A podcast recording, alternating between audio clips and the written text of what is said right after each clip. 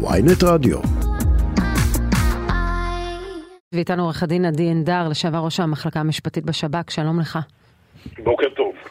אה, מה הביא אתכם לכתוב עכשיו את המכתב הזה? אנחנו ראינו לא מעט, אז בואו נעשה ככה סדר בין המכתבים, מה המשמעות? כי אצלכם זה לא עניין של אה, חלקכם לא עושים מילואים.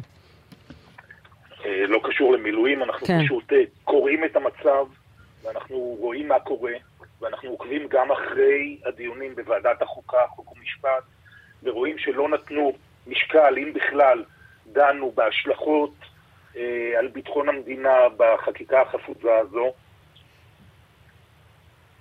כן, כן, אנחנו שומעים.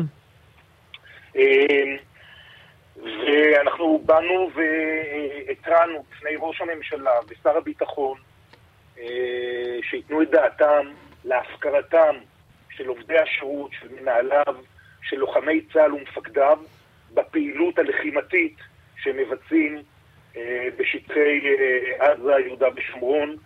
אה, ישנן פעולות שאם בעצם תיפגע עצמאות בית המשפט העליון ואם יתקבל החוק אה, בעילת הסבירות, למעשה הכרה בינלאומית בעצמאות מערכת המשפט בישראל תיפגע, וכתוצאה מכך עקרון המשלימות, שהוא כלל במשפט הבינלאומי, שקובע שאם מדינה אינה מסוגלת או אינה רוצה לנהל הליך חקירה או הליך פלילי כנגד אזרחיה אה, בפשעי, מה שהם קוראים לזה פשעי מלחמה או פשעים כן. כנגד האנושות, אז בית המשפט הבינלאומי הפלילי בהאג אה, נוטל על עצמו את הסמכות. אבל, אבל איפה אתה רואה דבר כזה, איפה אתה רואה דבר כזה. בעילת הסבירות? תן לי רגע לסיים, אני אומר עוד פעם, עילת הסבירות היא הכלי הבסיסי והמרכזי בפיקוח השיפוטי של בית המשפט על הרשות המבצעת. אם נוטלים ממנו, זה כמו ליטול מרופא מנתח את אזמל המנתחים, זה כמו ליטול מחייל בשטח את הרובה, את כלי הנשק שלו. זה בעצם מעקר את היכולת הבסיסית של בית המשפט לפקח על הרשות המבצעת. כעורך ואז- דין, אתה, אתה עומד מאחורי המשפט הזה שעילת הסבירות היא הכלי המרכזי לביקורת שיפוטית במשפט המינהלי? כי בית המשפט מתעקש פעם אחר פעם שהוא. עושה, שהוא עושה בה שימוש רק במקרים קיצוניים וכשאין שום מילה אחרת לפסול את, ה, את הפעולה השלטונית. חשיבות הכלי הזה הוא בעצם קיומו. כי ברגע שהכלי הזה קיים, בית משפט לא חייב להפעיל אותו. אבל ברגע שהכלי הזה קיים, בעצם כלל הרשות המבצעת ועובדי הרשות המבצעת יודעים שהם נתונים לפיקוח משפטי בבוא העת. הסרת הכלי הזה בעצם מסירה את רעיון הפיקוח, וכל אדם, כל שר, יכול לעשות כרצונו בלי שיהיה פיקוח שיפוטי על מעשיו. וזה בעצם חושף את מערכת הביטחון לביקורת שיפוטית של בית הדין הבינלאומי בהאג. אני, אני באמת מוכרח, מנסה להבין את, ה, את הטיעון השלם. כי אם, ניקח את שב"כ כדוגמה, אתה היית ראש המחלקה המשפטית בשב"כ. אם אה, אה, אה, אה, לוחם שב"כ מחליט לפעול, לא יודע, נגד כפר פלסטיני מסוים, באופן פוגע במשפחה מסוימת, בצורה שהיא לא הולמת את, ה, את הביטחון. יבואו, יתבעו את מדינת ישראל בהאג, יגידו זה פשע מלחמה. יבוא בית המשפט והוא יכול לפסול את ההחלטה הזאת, למשל, מטעמים של חוסר מידתיות, או מטעמים שהיא מנוגדת לחוק הישראלי. הוא לא חייב להגיע לעילת הסבירות. האם צמצום עילת הסבירות יוביל אותנו למשפטים בהאג? קודם כל לא מדובר בצמצום עילת הסבירות, אלא בעצם ביטול עילת הסבירות, הסבירות על פעילותם של שרים, נכון. ובעצם על כל ההחלטות או אי ההחלטות. עכשיו אני בא ואומר, עצם הפעילות הזאת של הסרת הכלי הזה באה ופוגעת במוניטין של מערכת המשפט בישראל כמערכת משפט עצמאית, שבעצם איננה יכולה לפקח על פעולות השרים. זאת הבעיה המרכזית, הסרת ההכרה, ואז בעצם הגורמים הבינלאומיים באים ואומרים, אם למדינת ישראל אין מערכת משפט עצמאית, איננה יכולה לפקח באופן חופשי על פעילות הרשות המבצעת, אנחנו ניטול את השאלה אם זה הסמכות. בכלל הפגיעה בבית המשפט העליון, או האירוע הנקודתי הזה של אה, ביטול עילת הסבירות שמתרחש ממש היום, כנראה. היום, מחר, אני- לא משנה. מיקדנו... כי, כי הוצאתם מכתב בפברואר, נכון. בזמנו שמוען לדיכטר, שדיבר על נכון. פעילות השב"כ.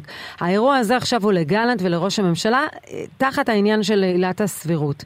האם האירוע הזה, או אתם לוקחים אותו כחלק, כפי שרבים מאיתנו לוקחים, כעוד צעד במסגרת החלשת הרשות השופטת, או שאתה אומר שבעצם ביטול עילת הסבירות לשיטתך פוגע בעבודת השב"כ, מחסל את מה שנקרא את כיפת הברזל של עבודת השב"כ? עצם, אני אומר עוד פעם, עצם קיומה של עילת הסבירות היא חרב על צוואר הרשות המבצעת, לרבות על השב"כ. וכל אדם שפועל במסגרת הרשות המבצעת מפעיל את שיקול דעתו בסבירות, והוא לא רוצה שבית המשפט העליון יבוא ויקבע שפעולתו מבוצעת מחוץ למתחם הסבירות, באי סבירות קיצונית. רגע. זה נכון שבית... רק שנייה. זה נכון שבית המשפט העליון אין, לא מרבה להשתמש בעילה הזאת, ואינו מרבה לפסול החלטות או פעולות, אבל עצם קיום העילה הזאת היא זו שגורמת לגורמי השלטון לפעול כן. בסבירות. האם לשיטתך מותר לחשוב, ברמה המשפטית, הוויכוח שקיים כבר המון שנים על האקטיביזם וכולי, שפיתוח אה, והרחבת עילת הסבירות אה, בבית המשפט הישראלי בשנים האחרונות, היא אה, חרגה מעבר למה שמקובל במדינות אחרות שבהן יש עילת סבירות וצריך לצמצם אותה? האם, האם זו דעה לגיטימית בתחום המשפטי? אני באופן אישי לא חושב שיש חריגה, אבל אפשר היה לדון על צמצום מסוים, למשל, כפי שיש כאלה שהציעו, למשל לצמצם אה, החלטות מדיניות של ממשלת ישראל. אבל, אבל, אז, אוקיי, אבל, אבל אפילו אם. יחליטו, אוקיי, אז נניח שמחר ישנו... לא באופן גורף. בסדר, אז נניח שמחר ישנו לגבי החלטות מדיניות, יבוא עורך הדין עדי אה, ענדר ויגיד, חברים, אתם מחלישים את הכוח של בית המשפט לפקח על פעולות הממשלה, ובזה אתם מסכנים אותנו וחושפים אותנו לתביעות בהאג. הטיעון שלך עדיין נשאר אותו דבר, לכן אני לא. אומר, אתה יכול על כל הצעה לצמצום מסוים של האקטיביזם השיפוטי, אתה תגיד את הדבר הזה. ישי, אנחנו לא מדברים פה על צמצום.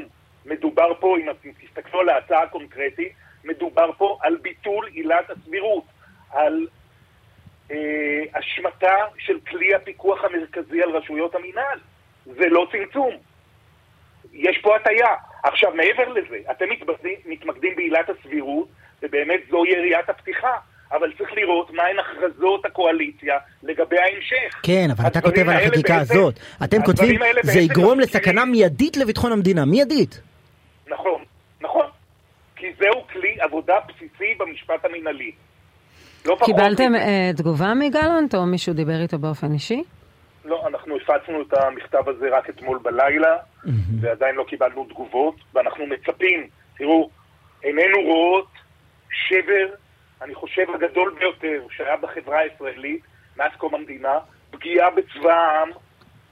אה, אנחנו ערים לקריאות להפסקת התנדבות, אנשים באים ואומרים שהם מפסיקים להתנדב, צריך להסתכל על כל המכלול, לא רק על עילת הסבירות שמיקדתם את הדיון בו, אבל כשמסתכלים על הכל רואים את הנזק הממשי, את הפגיעה בחוסן הלאומי, אה, ואני קורא מפה, וכולנו, כל הקבוצה של 800 יוצאי השב"כ, קוראים מפה לראש הממשלה ולשר הביטחון לגלות אחריות לאומית ולשים קץ לקרע הזה ולפגיעה בהרתעה של מדינת ישראל. עורך הדין עדי ענדר, לשעבר ראש מחלקה המשפטית בשב"כ, תודה רבה לך. תודה על תודה. השיחה והקריאה.